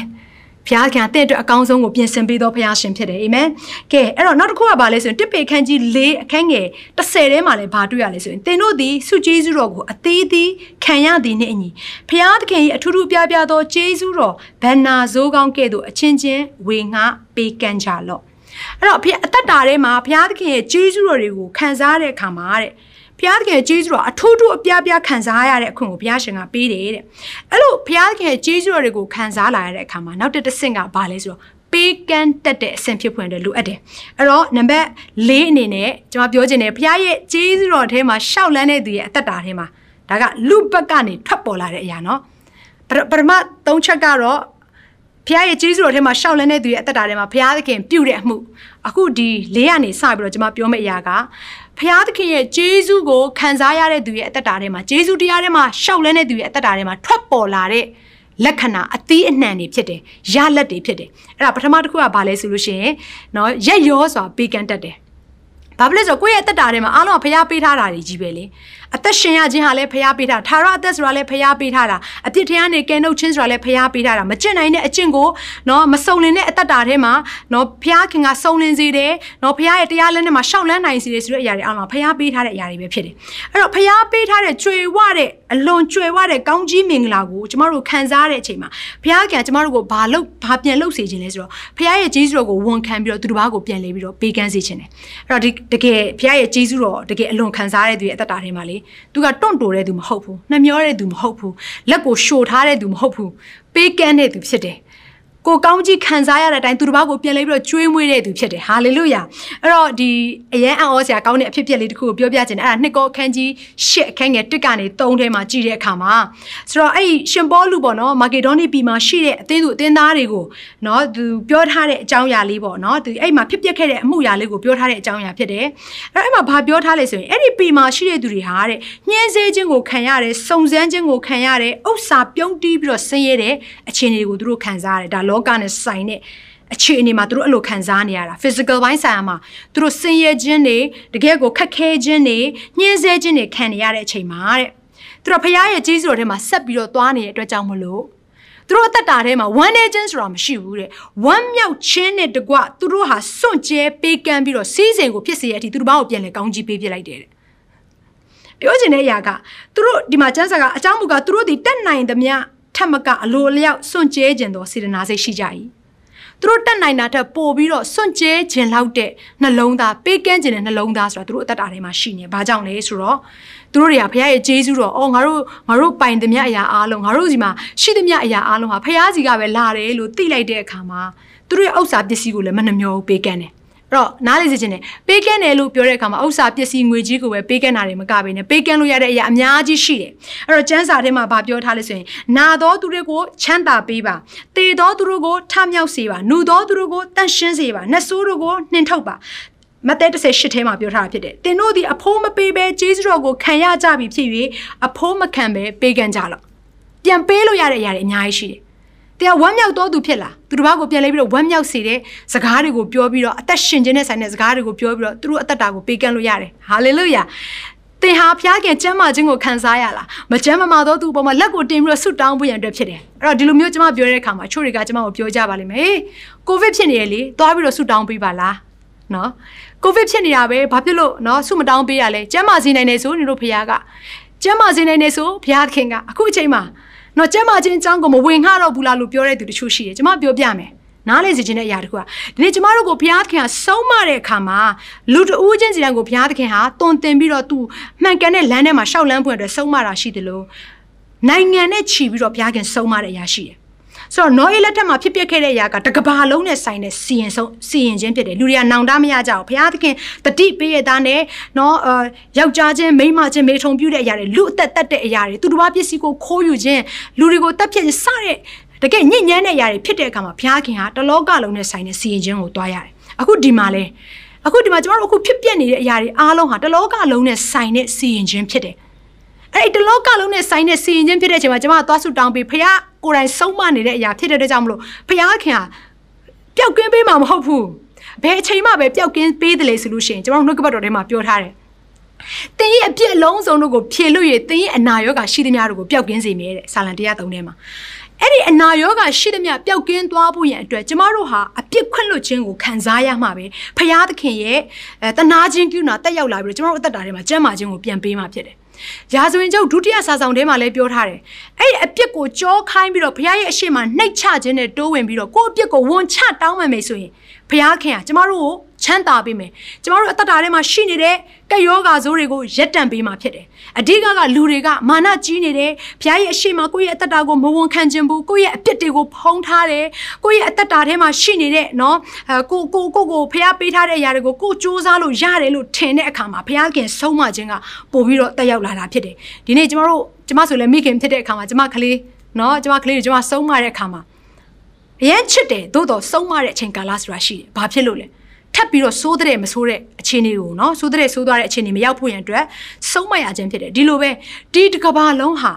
တကယ်ဖရားတရားရှိခြင်းထဲမှာအသက်မရှင်တော့ဘူးတကယ်ကိုစိုးသွမ်းတဲ့ကဘာကြီးစုပ်ယုပ်တဲ့အကျင့်တရားတွေပျက်စီးတဲ့အခြေအနေရောက်လာတဲ့အခါမှာဖရားသခင်ကဒီကဘာကိုပြန်လဲပြီးတော့ကျမ်းမာစေဖို့ရန်အတွက်လူသားတွေကဖရားရဲ့အထံတော်ထဲမှာနှိတ်ချတဲ့နှလုံးသားနဲ့တိုးဝင်တက်ဖို့ရန်အတွက်ဒီနေ့ဖရားရှင်ဟာဒီအရာတွေနဲ့လူတွေကိုစကားပြောရခြင်းဖြစ်တယ်တခါတလေကျမတို့ကနော် အာကောင်းသောလေရှူရတဲ့အချိန်မှာကောင်းသောနနက်ခင်းမှာနိုးထလာတဲ့အချိန်မှာငှက်တန်ချင်းအချင်းငှက်တန်လေးတွေနဲ့နော်လှပတဲ့မနက်ခင်းတွေကိုဖျက်ကျော်ရတဲ့အခါမှာဖခင်ဂျေစုကိုမတိမှတ်ကြအောင်ဖခင်မကယ်ဘူးလားဆိုပြီးတော့ဖခင်ကိုပြန်ပြီးတော့အပြစ်တင်တက်ကြတယ်လေဆိုလို့ရှင်တကယ်ဒုက္ခခံရတဲ့အချိန်ကြမှာလူတွေဟာဖခင်ကိုအပြစ်တင်တယ်ဖခင်ကိုလက်ညှိုးထိုးကြတယ်ဒီနေ့မိတ်ဆွေတင့်ကိုကျွန်မအဲ့လိုလူမျိုးထဲမှာကျွန်မမပါစေချင်ဘူးတည့်ရဲ့တက်တာထဲမှာဖခင်သခင်ရဲ့ နော်ကဲမတနာခြင်းခံပြီးခံရပြီးတော့ဘုရားကကျေးဇူးပြုခြင်းကိုခံရဖို့ရန်အတွက်နေကျမတဲ့တက်တာထဲမှာကျွန်တော်ဒီနှုတ်ကပတ်တော်ကိုမျှဝေနေခြင်းဖြစ်တယ်ဟာလေလုယာနောက်ဆုံးကျမဒီလိုပြောလိုက်လို့နော်ကိုဗစ်ကူးဆက်ခံရတဲ့သူတွေဟာနော်ဘုရားကျေးဇူးမသိအဲ့လိုမျိုးပြောတာမဟုတ်ဘူးနောက်ဆုံးအသင်ဟာကိုဗစ်ကူးဆက်ခံရရင်တောင်မှဘုရားသခင်ရဲ့ကျေးဇူးကငါ့အပေါ်မှာလုံလောက်တယ်လို့ဝန်ခံကြည့်အဲ့ဒီမနာမကျန်းဖြစ်ခြင်းကနေဘုရားသခင်ပြန်ပြီးတော့တင့်ကိုကျမ်းမာခြင်းပေးနိုင်တယ်လို့လည်းကျွန်မဝန်ခံခြင်းနဲ့တက်တည်မြောက်များစွာရှိတယ်ဟာလေလုယာ အဲ့တော့ကိုကတော့အခုအချိန်မှာဘာယောဂမမရှိသေးလို့နော်ဘာယောဂမကူးဆက်ခြင်းမခံရသေးလို့နော်ဖះကိုလည်းမကြောက်တရားကိုလည်းမယိုသေးတဲ့နှလုံးသားနဲ့တင်သွားမယ်ဆိုရင်ဒီနေ့ဖះရဲ့ဆုံးမခြင်းလာတဲ့အခါမှာကျွန်တော်တို့အသက်တာထဲမှာသိကြောက်စရာကောင်းပါတယ် ဒါကြောင့်မလို့သင်ရဲ့အသက်တာထဲမှာဘုရားခင်ဆုံးမခြင်းဘုရားသခင်ရဲ့ဒဏ်ပေးခြင်းကိုမခံရဘဲနဲ့ဘုရားသခင်ချီးမြှောက်ခြင်းဘုရားရဲ့မျက်နှာသာပေးခြင်းဘုရားသခင်ကောင်းသောလမ်းထဲမှာဆွဲခေါ်ခြင်းကိုခံရဖို့ရတဲ့ကျွန်တော်တို့အသက်တာကိုဘုရားရဲ့အရှိမချထားဖို့ရတဲ့ဖြစ်တယ်ဟာလေလုယာအဲ့တော့ဒီမှာဘာကိုအဲကျွန်မပြောချင်တာလဲဆိုလို့ရှိရင်ဒီနေ့ကျွန်တော်တို့အသက်တာထဲမှာဘုရားရဲ့ကျေးဇူးတော်ကိုကျွန်တော်တို့များများဆဆခံစားလာရပြီးတော့ကျမ်းမာခြင်းဆိုတာလည်းဘုရားပေးထားတာဉာဏ်ပညာဆိုတာလည်းဘုရားပေးထားတာ အာမင်ယူသွားတဲ့သူတွေအများကြီးရှိတယ်မကြမ်းမာတဲ့သူတွေအများကြီးရှိတယ်ဒီလက်တွေခြေတွေလှုပ်ရှားနိုင်တယ်ဆိုတာလေဖခင်ဂျေဇုဖခင်ပေးထားတာဒီအထဲထဲမှာရှိနေတဲ့ခန္ဓာကိုယ်ထဲမှာရှိတဲ့သင်မမြင်ရတဲ့ဒီအစိတ်အပိုင်းတွေဥကလိစားအထဲထဲမှာရှိနေတဲ့ကြောက်ကက်ကစားတစ်ခုချင်းစီတိုင်းဟာကောင်းနေတယ်ဆိုတာလေဖခင်ပေးထားတာဖြစ်တယ်အဲ့ကျမ်းမာခြင်းတွေအားလုံးသင်ရထားတဲ့အခါမှာဒီလောက်ဂျေဇုတွေကိုသင်ခံစားရတဲ့အခါမှာသင်လို့ရမယ့်အရာကဘာလဲဆိုတော့ကိုဂျေဇုခံစားရတဲ့အခါမှာသူတစ်ပါးကိုပြန်လဲပြီးတော့ပေးကမ်းဖို့ရတဲ့အတွက်ဖြစ်တယ် လဲနေတဲ့သူကိုဆွဲထုတ်ဖို့အတွက်ဖြစ်တယ်ဝမ်းနဲ့နေတဲ့သူရဲ့မျက်ရည်ကိုတုပ်ပေးဖို့အတွက်ဖြစ်တယ်လိုအပ်နေတဲ့သူတွေကိုကျွေးမွေးဖို့အတွက်ဖြစ်တယ်သူတို့စီကိုသွားပြီးတော့သူတို့အသက်တာထဲမှာနှစ်သိမ့်ပေးဖို့အတွက်ဖြစ်တယ်ဒီနေ့သင်ဟာဘုရားရဲ့ကျေးဇူးကိုတကယ်ခံစားနေရသလားခံစားနေရတယ်ဆိုရင်နေ့သင်ရဲ့အသက်တာထဲမှာခြေလန်းလန်းစေခြင်းနဲ့ရရောစွာပေးကမ်းတော်သူဖြစ်ပါဖခင်သခင်ရဲ့ကောင်းမြတ်ခြင်းကိုပြန်လဲပြီးတော့စီးစင်းစေတဲ့သူဖြစ်ပါအာမင်ကဲနောက်တစ်ခုကဘာလဲဆိုရင်အဲ့ဒါကတော့ဂျေဇုတော်ချီးမွမ်းခြင်းအသက်တာရှိလာတယ်တဲ့ဖခင်ရဲ့ ဂျေဇုတော်အထဲမှာအသက်ရှင်နေသူကဘုရားရဲ့ဂျေဇုတော်ကိုသိမှတ်ဆွဲလန်းနေသူကဘုရားကိုပြန်ချီးမွမ်းတတ်တယ်။ဘာဖြစ်လို့လူတော်တော်များများရဲ့အသက်တာထဲမှာ complaint တွေတက်လူတွေကိုမကောင်းပြောလူတွေကိုအဲနော်ဆဲဆိုလူတွေရဲ့အသက်တာထဲမှာနာကျင်အောင်ပြောဆိုလိုက်တဲ့အရာတွေအားလုံးကဘာကြောင့်လဲဆိုတော့ဒါမှမဟုတ်ဘုရားခင်ပဲဖြစ်ဖြစ်နော်လူတွေအချင်းချင်းပဲဖြစ်ဖြစ်ဘာကြောင့်ပြောဆိုနေတယ်လဲဆိုတော့ဘုရားရဲ့ဂျေဇုကိုမတိမမှတ်သေးလို့အဲ့တော့ကျမ်းစာထဲမှာရှိတယ်ယောမအခန်းကြီး1အခန်းငယ်21ထဲမှာရှိတယ် ဖျားခင်ကိုချီးမွမ်းတဲ့တဲ့အတိုင်းမချီးမွမ်းကျေးဇူးတော်ကိုလည်းမသိမမှတ်တဲ့သူတွေဟာတဲ့ဘလို့အသက်တာမျိုးနဲ့ရှောက်လန်းနေလဲဆိုတော့အချင်းဒီအတွေးခေါ်တွေရှိတဲ့သူစိတ်နှလုံးထဲမှာတတိမရှိဘဲနဲ့မိုက်မဲခြင်းရှိတဲ့သူတွေကတဲ့ဖခင်ရဲ့ကျေးဇူးတော်ကိုမချီးမွမ်းတတ်ဘူးတဲ့တို့တော့တဲ့ဖခင်ရဲ့ကျေးဇူးတော်ကိုသိမဲ့ဆွဲလန်းတဲ့သူရဲ့အသက်တာထဲမှာတော့တဲ့ဖခင်ကိုချီးမွမ်းပြီးတော့ဖခင်ရဲ့ဘုန်းတော်ကိုထင်ရှားစေတယ်တဲ့ပြန်ပြောချင်တယ် ဂျေဇုတော်ချီးမွမ်းခြင်းရစ်ကိုပူဇော်တော်သူဟာဖခင်ရဲ့ဘုန်းကိုထင်ရှားစေတော်သူဖြစ်လာမယ်။ဆိုရတဲ့အရာကဂျေဇုတော်ချီးမွမ်းခြင်း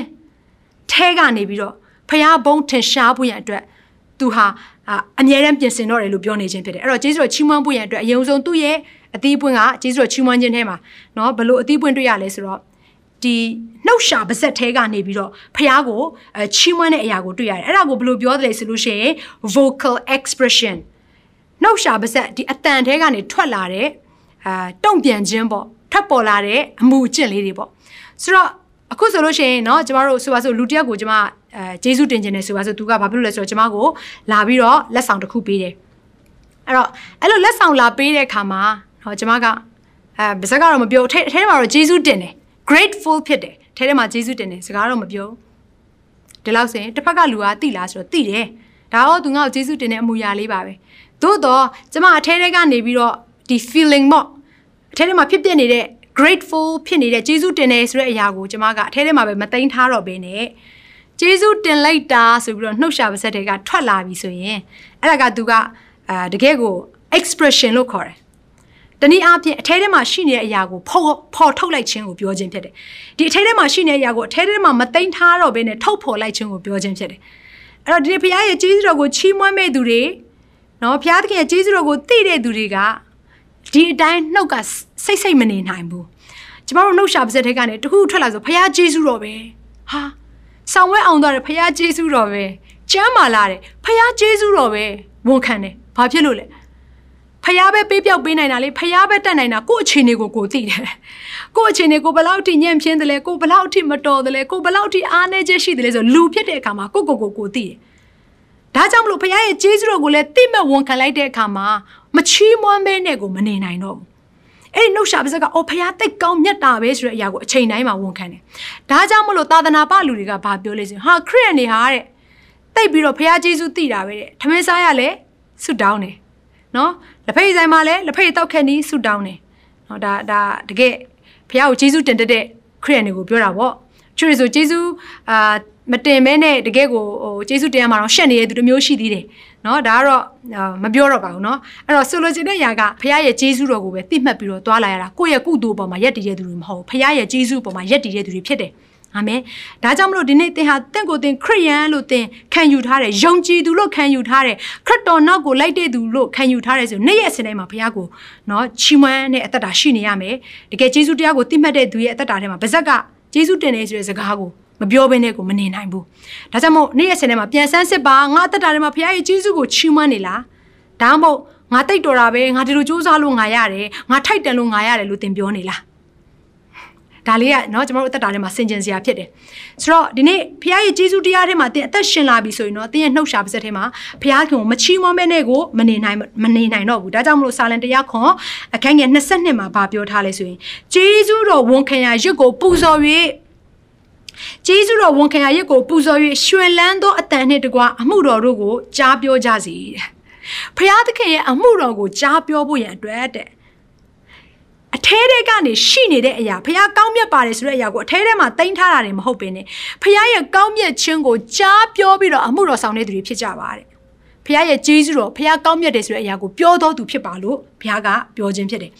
နော်ရွှင်လန်းသောအတန်နဲ့နော်အာဘုရားရဲ့ကောင်းမြတ်ခြင်းကိုပြောခိုင်းတယ်နော်အဲဒီနေ့ဆရာမဆူဇန်နာမင်းကပြောခိုင်းတယ်ဘုရားရဲ့ဧဝံဂေလိတရားကိုပြောခိုင်းတယ်မပြောခြင်းပြောခြင်းနဲ့ပြောရမယ်ဆိုရင်တော့ဒါကတော့ရွှင်လန်းတဲ့အတန်ထွက်လာမှာမဟုတ်ဘူးအေးဒါပေမဲ့ကိုကိုတိုင်းကဘုရားရဲ့ဂျေဇုကိုသိပြီးတော့မှအော်ဘုရားငါ့ပေါ်မှာဒီလောက်တိတ်ကောင်းမြတ်တာပဲဆိုတဲ့အရာကိုစဉ်းစားဆင်ခြင်တက်လာပြီးတွေးခေါ်တက်လာပြီးဆိုရင်တော့ဒီအနှုတ်ကလည်းမထွက်ဘဲနဲ့မနေနိုင်ဘူးစိတ်နှလုံးကလည်းမဝန်ခံဘဲနဲ့မနေနိုင်ဘူးဒါကြောင့်မလို့ဒီအရာဟာဘုရားရဲ့ဂျေဇုတော်ကိုချီးမွမ်းနေတိုင်းချီးမွမ်းနေတဲ့သူတယောက်ချင်းဆိုင်အသက်တာဟာ ဘုရားရဲ့ယေရှုတရားထဲမှာအသက်ရှင်နေတဲ့သူဖြစ်တယ်။အကယ်၍သင်ဟာဘုရားရဲ့ယေရှုတရားထဲမှာအသက်မရှင်မဲနဲ့ထွက်သွားပြီဆိုရင်တော့ချီးမွမ်းတဲ့သူဖြစ်နိုင်မှာမဟုတ်ဘူး။အာမင်။ကဲနောက်တစ်ခုကိုဆက်ပြီးတော့ကြည်စီခြင်းနဲ့အဲ့တော့ဘုရားသခင်ရဲ့ယေရှုတော်ထဲမှာအသက်ရှင်တဲ့သူရဲ့အသက်တာထဲမှာတဲ့ဘာတွေပါရှိလာလဲဆိုတော့ကောလောသဲအခန်းကြီး3ငယ်16ထဲမှာဘာပြောထားလဲဆိုရင် ခရစ်တော်၏နှုတ်ကပတ်တရားသည်ပညာအမျိုးမျိုးနှင့်သင်တို့အထဲ၌ကြွယ်ဝစွာတည်နေ၍သင်တို့သည်စာလံတခြင်းမှစသောဓမ္မတခြင်းအမျိုးမျိုးအားဖြင့်အချင်းချင်းတို့ကိုဆုံးမသွန်သင်ခြင်းတတိပေးခြင်းကိုပြု၍နုညွတ်သောစိတ်နှလုံးနှင့်ဘုရားသခင်ရှိတော်၌တင့်တယ်လျောက်ပတ်စွာတခြင်းဆိုကြလော့ ဘုရားသခင်ရဲ့ဂျေဇုတော်ကိုတိမဲ့ဝန်ခံတတ်တဲ့သူရဲ့အသက်တာထဲမှာတဲ့ဘလို့ရှိလာလဲဆိုတော့နုံညွတ်သောစိတ်နှလုံးနဲ့ဘုရားရဲ့ရှိတော်မှာတင့်တယ်လျောက်ပတ်စွာတခြင်းဆိုတယ်တဲ့ဒီအထဲကလည်းဘုရားကိုဂျေဇုတင်တယ်ဒီနှုတ်ရှာပါဇက်ကလည်းဘုရားခင်ကိုချီးမွမ်းတယ်အင်္ဂလိပ်ထဲမှာဆိုရင်ကျမ်းစာထဲမှာဘလို့ပြောထားလဲဆိုရင် singing with thankfulness in your heart တကယ်ကိုအထဲထဲကနေဂျေဇုတင်ပြီးတော့နှုတ်ရှာပါဇက်ကလည်းဂျေဇုတင်တဲ့အရာကိုထုတ်ဖော်တယ်နော်အဆင့်အထိဒီနေ့ဘုရားခင်ကိုချီးမွမ်းကြတယ်တဲ့အာအမြဲတမ်းစိတ်ဆိုးစိတ်တုန်နေတဲ့စကလုံးတွေမထွက်လာတော့ဘူးနော်သူတစ်ပါးကိုအမြဲတမ်းအပြစ်တင်ပြီးတော့လက်ညှိုးထိုးနေတဲ့စကလုံးတွေမထွက်လာတော့ဘူးတကယ်ကိုကောင်းသောစကားလူတွေရဲ့အထဲထဲမှာဘာကောင်းတယ်လဲဆိုတဲ့အရာကိုတိတိကျကျရှာဖွေပြီးတော့မှပြောတက်လာတယ်။ ဘာလို့ဆိုကိုအားနေခြင်းကိုကိုသိသွားတယ်ငါမတက်နိုင်ဘူးငါမကောင်းဘူးဆိုတာသိသွားတဲ့အခါမှာဘာဖြစ်လာလဲဆိုတော့သူတစ်ပါးရဲ့ကောင်းကျိုးတွေသူတစ်ပါးရဲ့ကောင်းခြင်းတွေကိုရှာဖွေတက်ပြီးတော့ဘုရားသခင်ရဲ့အဲဂျေဇုတော်ထဲမှာနှိမ်ချစွာအသက်ရှင်တတ်တဲ့သူဖြစ်လာတယ်။ကဲနောက်တစ်ချက်ကဘာလဲဆိုလို့ရှိရင်နံပါတ်6တစ်ချက်ကသူ့ရဲ့အသီးပွင့်ကဘာလဲဆိုလို့ရှိရင်ခွင့်လွတ်တတ်တယ်။ဂျေဇုတော်ထဲမှာအသက်ရှင်တဲ့သူတယောက်ဟာသူတစ်ပါးကိုမခွင့်လွတ်ပင်တဲ့ကိုမနေနိုင်ဘူး။ဖခင်ရဲ့ခွင့်လွတ်ခြင်းကိုခံစားရတဲ့သူတယောက်ဟာသူတစ်ပါးကိုမခွင့်လွတ်ပင်တဲ့ကိုမနေနိုင်ဘူး။ ဘာဖြစ်လို့လဲဆိုရင်နော်ဒီလောက်အထိစိုးသွမ်းတဲ့နော်အပြစ်လုတ်တက်တဲ့ဒီခန္ဓာစိတ်ဝိညာဉ်သုံးပါးစလုံးနဲ့လုတ်တက်တဲ့ငါအပြစ်ကိုဖခင်ကခွင့်လွတ်ပေးထားတာတော့နော်ငါကသူတစ်ပါးကိုမခွင့်လွတ်ပေးနိုင်ဘူးလားလို့ကိုယ့်ကိုပြန်စဉ်းစားလိုက်မယ်ဆိုလို့ရှိရင်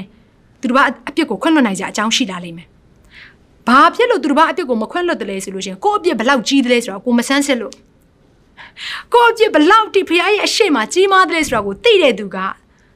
သူတစ်ပါးရဲ့အပြစ်ဟာဘလောက်တိသိငယ်တယ်လဲဆိုတော့ကိုမြင်လာမယ်ဒါပေမဲ့ကိုကိုကိုကိုမဆန်းစစ်မဆန်းစစ်ဘူးเนาะကိုအကုန်လုံးကောင်းတာလုပ်နေတယ်ဖခင်ရဲ့ဂျေဇုကိုမသိမမှတ်တဲ့အခါမှာသူတစ်ပါးရဲ့အားနဲ့ချက်တွေကိုလိုက်ထောက်မယ်သူတစ်ပါးရဲ့เนาะအာဘယ်လိုခေါ်မလဲအပြစ်တွေကိုပဲချီနှောင်ထားမယ်အဲ့တော့ဖခင်ကတော့ဘာပြောထားလဲဆိုတော့သင်ဟာသူတစ်ပါးရဲ့အပြစ်ကိုချီနှောင်နေဆိုကောင်းငင်ဘုံမှာငါချီနှောင်မယ်တဲ့သင်ဆွတ်တောင်းတဲ့အခါမှာဖခင်နားမထောင်တော့ဘူးတဲ့အဲ့ဒါကိုဘယ်မှာတွေ့ရတယ်ဆိုလို့ရှိရင်မာကုခန်းကြီး7ထဲမှာအခန်းငယ်24ကနေ26ထဲမှာတွေ့ရတယ်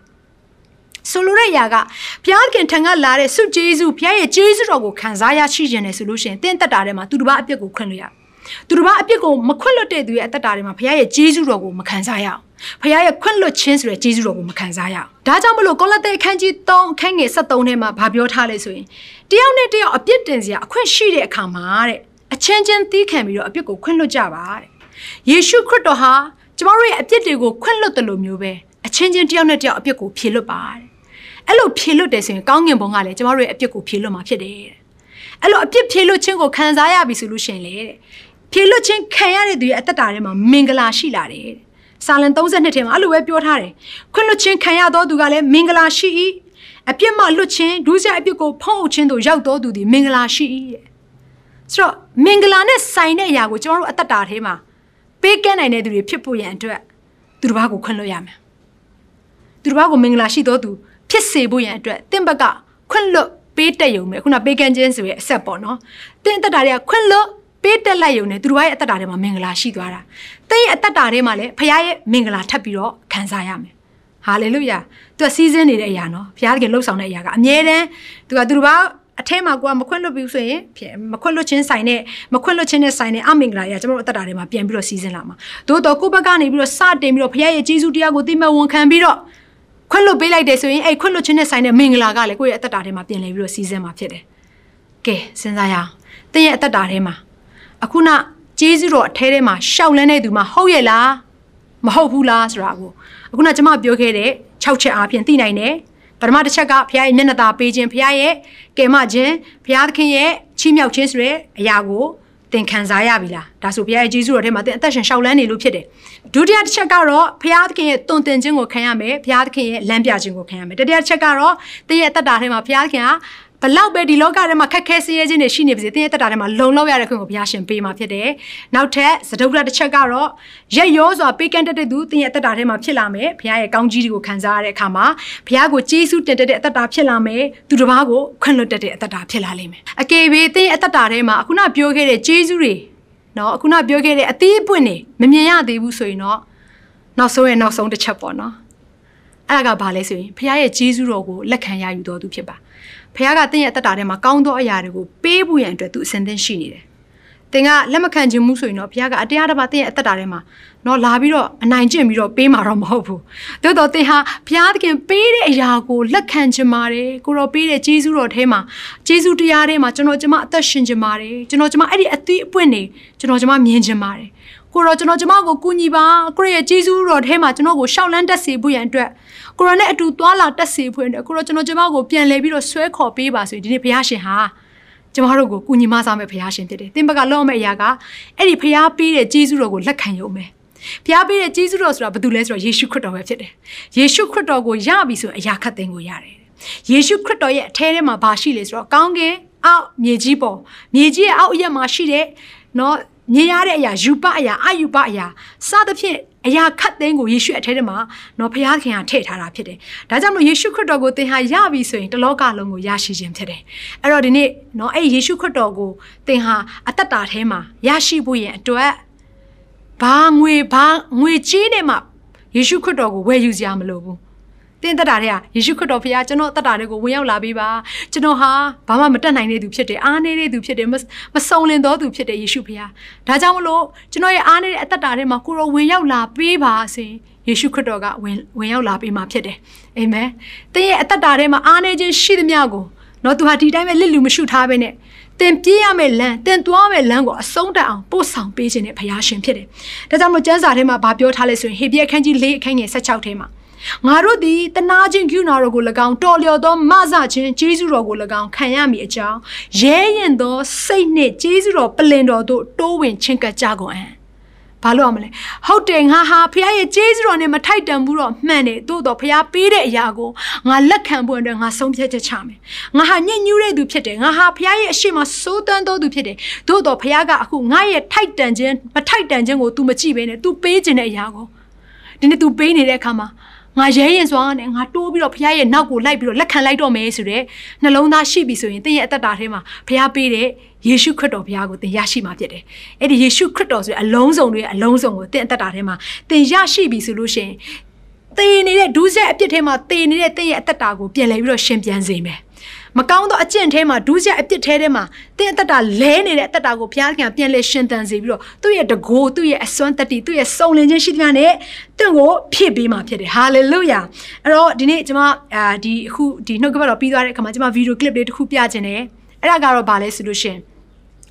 အာဒီကျမတို့နဲ့ဖះနဲ့ဂျားထဲမှာရှိတဲ့အဲအမှုရာကိုကျမ ပြသခြင်းတဲ့အတွက်ကြောင့်မလို့เนาะပြောပြခြင်းတဲ့အတွက်ကြောင့်မလို့ဒီဗီဒီယိုကလစ်လေးကိုကျွန်မပြင်ဆင်ထားတာဖြစ်တယ်ဆိုတော့တခါလေကျွန်တော်တို့ဒီလောကမှာကျွန်တော်တို့အသက်ရှင်တဲ့အခါမှာကျွန်တော်တို့တိတ်တော်တယ်ကျွန်တော်တို့တိတ်တက်တယ်အရာအားလုံးဟာကိုယ့်ခြေထောက်ပေါ်ကိုရက်တီးပြီးတော့ဖြစ်လာတယ်လို့ထင်ကြတယ်ဒါပေမဲ့မဟုတ်ဘူးအရာအားလုံးဟာဖခင်ရဲ့ကျေးဇူးတော်ကြောင့်သာဖြစ်တည်နေတယ်ဖခင်ရဲ့ဂရုဏာတော်ကြောင့်သာကျွန်တော်တို့ဒီလမ်းကိုဒီခရီးကိုဒီလောကထဲမှာ နော်အသက်ရှင်လှုပ်ရှားပြီးတော့သွာလာနိုင်ခြင်းဖြစ်တယ်ဆိုတဲ့အရာကိုနားလည်နိုင်ဖို့အတွက်ဖြစ်တယ်အဲ့တော့ဒီဗီဒီယိုကလစ်ထဲမှာရှိတဲ့အကြောင်းအရာကသူကသူ့ရဲ့သားနာမည်ကအဖေနဲ့သားနှစ်ယောက်အကြောင်းပေါ့သားရဲ့နာမည်က Rick လို့ခေါ်တဲ့အာမတန်ဆွမ်းမှုငငယ်လေးတွေကနေပြီးတော့သူ့မှာအာဒီမတန်ဆွမ်းမတန်ဆွမ်းတဲ့အခြေအနေရှိတယ်သူ့အဖေကတော့တကယ်အရန်တန်ဆွမ်းပြီးတော့เนาะဒီဒီလေရင်နဲ့ဆိုင်တဲ့နေရာမှာသူကအလုပ်လုပ်ခဲ့တဲ့သူလည်းဖြစ်တယ်ဆိုတော့သူ့သားလေးကိုသူအရန်ချက်တယ်သူအရန်သနာတယ်เนาะ အဲ့တော့တနေ့ကျတော့ပြိုင်ပွဲတစ်ခုရှိတယ် triathlon ပေါ့နော်ဆိုလိုတဲ့သဘောကသူကရေကူးတာကောစပိန်စီးတာကောပြေးတာကောသုံးခုစလုံးသူကအဲပါဝင်တဲ့ပြိုင်ပွဲတစ်ခုအဲ့ဒီပြိုင်ပွဲမှာသူ့ရဲ့သားလေးဟာနော်ဝင်ပြိုင်ခြင်းတယ်အဖေနဲ့အတူပေါ့ဝင်ပြိုင်ခြင်းတယ်အဖေတားသွားခြင်းတယ်ဒီခီးကတော့ရမ်းခတ်တယ်တာမန်အပြေးပြိုင်ပွဲမဟုတ်ဘူးတာမန်စပိန်စီးပြိုင်ပွဲမဟုတ်ဘူးเนาะရေလဲကူးရမှာဖြစ်တယ်သူကမတန်ဆွမ်းတဲ့အခါမှာเนาะဘလို့လို့ဖြစ်နိုင်မလဲเนาะသို့တော့အဖေရဲ့အဖေနဲ့အတူ ကျွန်တော်အားနေခြင်းတွေဘလောက်ပဲရှိနေပါစေအဖေနဲ့အတူကျွန်တော်ဒီခီးကိုသွားခြင်းတယ်ကျွန်တော်ရဲ့အစွမ်းစားနဲ့တော့ကျွန်တော်မတက်နိုင်ဘူးသို့တော့အဖေနဲ့အတူကျွန်တော်သွားခြင်းတယ်လို့ပြောတဲ့အခါမှာအဲ့လောက်ခက်ခဲတဲ့ပြိုင်ပွဲနော်တကယ့်ကိုကြမ်းတမ်းတဲ့ပြိုင်ပွဲအခက်မတင်သေးတောင်းသေးနိုင်တယ်ဆိုတော့အဲ့ပြိုင်ပွဲကိုဝင်ဖို့ရန်အတွက်အဲ့ခရီးကိုသွားဖို့ရန်အတွက်သူ့ဖေကသူ့သားပြောတဲ့အရာကိုလက်ခံခဲ့တယ်အဲ့ဒီအထဲထဲကနေပြီးတော့ကျွန်မဘာကိုတွေ့ရလဲဆိုရင်ဖခင်ရဲ့မြတ်တာတော်ကိုတွေ့ရတယ်ဆိုတော့ကျွန်တော်တို့ဒီဗီဒီယိုကလစ်လေးကိုတစ်ချက်လောက်အဲ့တော့ဒီဗီဒီယိုကလစ်ကိုကြည့်တဲ့အခါမှာ ဘုရားခင်တင့်ကိုစကားပြောပါလိမ့်မယ်။တင့်ရဲ့အသက်တာထဲမှာအခုန Rick Clay လိုပဲဘာမှမတက်နိုင်ဘူး။တင့်ရဲ့စူးစမ်းနိုင်ခြင်းမရှိဘူး။တင့်ရဲ့တက်နိုင်ခြင်းမရှိဘူး။ဒီလောကထဲမှာအသက်ရှင်တဲ့အခါမှာကျမတို့အားနေတဲ့အရာကိုကျမတို့သိတယ်။ဘုရားကလည်းသိတယ်။ဒါကြောင့်မလို့ဒီအားနေတဲ့လူသားတယောက်နဲ့ဒီလောကမှာအသက်ရှင်တဲ့အခါမှာဖះပြင်ဆင်ထားတဲ့ပန်းတုံးတိုင်ကိုကျမတို့ရောက်ဖို့ရန်အတွက်ဖះပါမှာပဲရမယ်။ဒီနေ့ဖះခင် ကျမတို့ကိုကူညီပေးခြင်းတယ်ကျမတို့အသက်တာကိုဥဆောင်ပေးခြင်းတယ်ကျမတို့ရဲ့အနားမှာနေပြီးတော့ကျမတို့နဲ့အတူဒီလောကထဲမှာခံစားနေရတဲ့ဒုက္ခပြဿနာတွေကို तू ကရင်ဆိုင်ပြီးတော့ဖြေရှင်းပေးခြင်းနဲ့ဖခင်ရှင်ဖြစ်တယ်။တင်းရဲ့အသက်တာကိုဘုရားသခင်လက်တော်ထဲမှာအနှံ့လိုက်ပါ။ဒီနေ့တင်းအားနေနေလို့ထင်နေတဲ့အခြေအနေမျိုးမှာဘုရားသခင်အားကြီးခြင်းနဲ့တင်းကိုပွေ့ချီခြင်းဆိုတဲ့အရာကိုတင်းမြင်ခံစားရပြီးတော့ဒီချိန်မှာတော့တစ်ခါမှတင်းမမြင်ဘူးတဲ့ဘဘုရားသခင်ဂျေဇုတော်ရဲ့အနှစ်အရသာကိုလက္ခဏာတွေကို သင်မြင်တွေ့ခံစားရမှာဖြစ်တယ်။ဒါကြောင့်မလို့ဒီနေ့ဒီမှာရှိတဲ့ညီကောင်မတယောက်ချင်းချံကိုကျွန်မဆုတောင်းပေးခြင်းနဲ့အဲ့တော့ဒီနေ့သင်ရဲ့အသက်တာထဲမှာဘုရားသခင်ဂျေဇုတော်ထဲမှာအသက်ရှင်ပွင့်တဲ့သင်ဆုံးဖြတ်ချက်ချတယ်။ငါကငါစ조사လို့မရအောင်ငါပြည့်ညတ်တော်ထဲမှာငါသွားလို့မရအောင်။ဒါမှငါရဲ့ဇာတိထဲမှာငါဆက်သွားရင်ငါဆုံးရှုံးတော့မယ်လို့သင်သဘောပေါက်ပြီဆိုရင်တော့နေ့ဘုရားရဲ့ဂျေဇုတရားဟာသင်ကိုကယ်တင်ဖို့ရန်အတွက်လုံလောက်ကြွယ်ဝစွာရှိနေပါတယ်။ဒါကြောင့်မလို့ဒီနေ့ကျွန်မသင်ကိုဆုတောင်းပေးခြင်းနဲ့ဒီအချိန်မှာသင်ရဲ့အသက်တာကိုစက္ကန့်အနှံပါ ယေရှုဖျားကျွန်တော်ရဲ့အသက်တာထဲမှာဝင်ရောက်လာပါကျွန်မရဲ့အသက်တာထဲမှာဝင်ရောက်ပြီးတော့အုပ်ဆိုးပေးပါအခုနမတန်မဆွမ်းမဲနဲ့အားနေနေတဲ့သူလိုမျိုးကျွန်တော်ရဲ့အသက်တာဖြစ်နေပါတယ်ကျွန်မရဲ့အသက်တာဖြစ်နေပါတယ်ကိုရဲ့ကုညီမဆခြင်းကိုလိုအပ်ပါတယ်လို့သင်ပြောပြီးဆိုရင်ဘုရားသခင်ကကောင်းသောဖခင်ဖြစ်တဲ့အတွက်ကြောင့်မလို့ကောင်းခြင်းတွေကျွန်တော်အသက်တာထဲမှာဂျေဇုတရားတွေကိုသူပြဖို့ရန်အတွက်လက်မနှေးသောဖခင်ရှင်ဖြစ်တယ်ဒါကြောင့်မလို့ကျွန်တော်တို့ဒီချိန်မှာခဏလောက်ဆုတောင်းကြရအောင် တည့်ရဲ့တက်တော်ကျွန်မခဏလောက်ဆုတောင်းဆက်ကပ်ပေးခြင်းနဲ့ဒါကြောင့်မလို့ရှိရနေရာမှာဒီနေ့ဘုရားခင်နဲ့နော်ဘုရားခင်ကိုအာယုံပြုထားပါဘုရားခင်အဲမှာတည့်ရဲ့အသက်တာကိုဆက်ကပ်အနံမွေးနဲ့ကျွန်မပြောခြင်းနဲ့ဟာလေလုယာအသက်ရှင်သောဘုရားဒီနေ့ကိုတော့ထံကိုနှိမ်ချတဲ့နှလုံးသားနဲ့တိုးဝင်ပါတယ်လူသားဖြစ်တဲ့အားလျော်စားဟိုကျွန်တော်တို့အသက်တာထဲမှာမစုံလင်ကြပါဘူးအားနေခြင်းအပြည့်အဝရှိပါတယ်ဘုရားခင်ဒါပေမဲ့လည်းကျမတို့ရဲ့အားနေခြင်းဟိုကျွန်တော်တို့ရဲ့မစုံလင်ခြင်းထဲကနေပြီးတော့ကိုရောဘုရားဟာ ကိုရဲ့တကိုးကြီးခြင်းနဲ့ကိုရဲ့ဂျေဇုနဲ့ကိုရဲ့ကောင်းမြတ်ခြင်းတွေကိုထုတ်ဖော်ပြသခြင်းသောဘုရားဖြစ်ကြောင်းကိုဒီနေ့တမန်တရားအဖြစ်တည်နာလဲခွင့်ပေးလို့ကိုရောကိုဂျေဇုတင်တယ်အသက်ရှင်သောဘုရားဒီနေ့သားတို့အသက်တာထဲမှာကိုရောကိုနေရာပေးပါတယ်ဟိုသားတို့တယောက်ချင်းစံကိုကိုရောဥဆောင်ပေးတော်မူပါကိုရောမရှိဘဲနဲ့တောင်းမလှုပ်ဆောင်ရမယ်ဆိုရင်ဒီဘဝကိုဖျက်ကျော်ရမယ်ဆိုရင်ဖျက်လျှောက်ရမယ်ဆိုရင်တောင်းမတို့ခက်ခဲခြင်းမြောက်များစွာရှိပါတယ်ဖေ။ဒါကြောင့်မလို့ဒီနေ့ကိုရဲ့ကုညီမစားခြင်းလိုအပ်တဲ့အတွက်ကြောင့်မလို့ ဒီနေ့ကိုရောကိုတောင်းမတို့အသက်တာထဲမှာဖိတ်ခေါ်ပါတယ်ကြိုးဆိုပါတယ်။အကျွန်ုပ်ရဲ့ကယ်တင်ရှင်ဖြစ်တော်ဖေ။အကျွန်ုပ်ကိုလမ်းပြပေးတော်မူမဲ့ဖေ။ဒီနေ့ကိုရောကိုကယ်တင်ပိုင်ရှင်နဲ့အရှင်သခင်ပြည့်ယုံကြည်လက်ခံပါတယ်။ကျွန်ုပ်ကိုဥဆောင်ပေးပါ။ကျွန်တော်ကိုလမ်းပြပေးပါမှားတော့လမ်းထဲမှာမလိုက်မိစေဖို့အတွက်ဘုရားသခင်ရဲ့တရားတော်လမ်းထဲမှာမလွဲမတိတ်လိုက်သွားသောသူဖြစ်စေခြင်းအလုံးက ကျွန်တော်ရဲ့အသက်တာကိုရလက်တော်ထဲမှာစက္ကဲအနှံပါတယ်ဘုရားသခင်ဟာလေလုယာအထူးသဖြင့်ကိုရဒီနေ့ဒီမှာကြည့်ရှုနေကြတဲ့တာမီတယောက်ချင်းစံကိုယေရှုနာမနဲ့ကောင်းချီးပေးပါတယ်သူတို့အသက်တာထဲမှာမလွတ်မြောက်နိုင်သောအရာများကိုကိုရလွတ်မြောက်စေပါကိုရဂျေဇုကိုဝန်ခံနေပြီးတော့ဂျေဇုတရားထဲမှာအသက်မရှင်တဲ့သားသမီးတယောက်ချင်းစံရှိပါကကိုရသူတို့ကိုနောင်နာလန်းတဲ့ကိုပြန်လဲပြီးတော့သွေးဆောင်ပေးတော်မူပါကိုရဲ့ချစ်ချင်းမြတ်တာကျိုးနဲ့ကိုတော့သူတို့ကိုဆွဲတော်မူပါဘုရားသခင် မာနရဲ့ကြော့ခွင်းထဲမှာမရောက်သွားမိစေဖို့အတွက်မာနရဲ့သွေးဆောင်ခြင်းထဲမှာလိုက်ပါတော့သူမဖြစ်စေဖို့အတွက်တန်ရှင်းတော်ဖရာသူတို့ကိုသူရဲ့စိတ်ဝိညာဉ်ကိုအနိုင်တက်သွေးဆောင်တော်မူပါဘုရားသခင်ဟာလေလုယာယေရှုတင်နေဖရာဒီနေ့အချိန်တိုင်းအတွက်ကိုရဲ့နာမတော်ကိုချီးမွမ်းပါတယ်နှုတ်ကပတ်တော်တက်လည်းကိုရောကိုကျေးဇူးတင်ပါတယ်တယောက်ချင်းဆိုင်အသက်တာထဲမှာကိုရောစကားပြောနေတဲ့အရာတွေအတွက်လည်းကိုရောနာမတော်ကိုချီးမွမ်းပါတယ်ဆက်လက်ပြီးတော့ကိုရောကျေးဇူးတော်ရှိသမျှကိုအကုန်စင်သူတို့အသက်တာထဲမှာပြသတော်မူပါတွန်းလောင်းတော်မူပါ လက်တော်ထဲမှာစက္ကအနံ့တဲ့အခါမှာအသက်ရှင်မနေ့ရက်နေ့နောင်ကာလမပြောင်းလဲပဲနဲ့သားသမီးတို့ကိုအစင်မြဲချစ်၍ကျေးဇူးတော်ရှိသမျှကိုအကုန်စင်တွန်းလောင်းတော်မူသောယေရှုဖျားမြတ်သောနာမကိုမြည်ပြီးစက္ကအနံ့ကြပါれအဖမြတ်စွာဘုရားသခင်အာမင်ဒီအစီအစဉ်လေးအပြင်တင်းရဲ့အသက်တာမှာကောင်းကြီးဖြစ်မယ်ဆိုတာကိုကျွန်တော်ယုံကြည်ပါတယ်ဗီဒီယိုကြည့်ပြီးခံယူလို့သူများအတွက်အပတ်စဉ်တရားဟောခြင်းများ Bible Study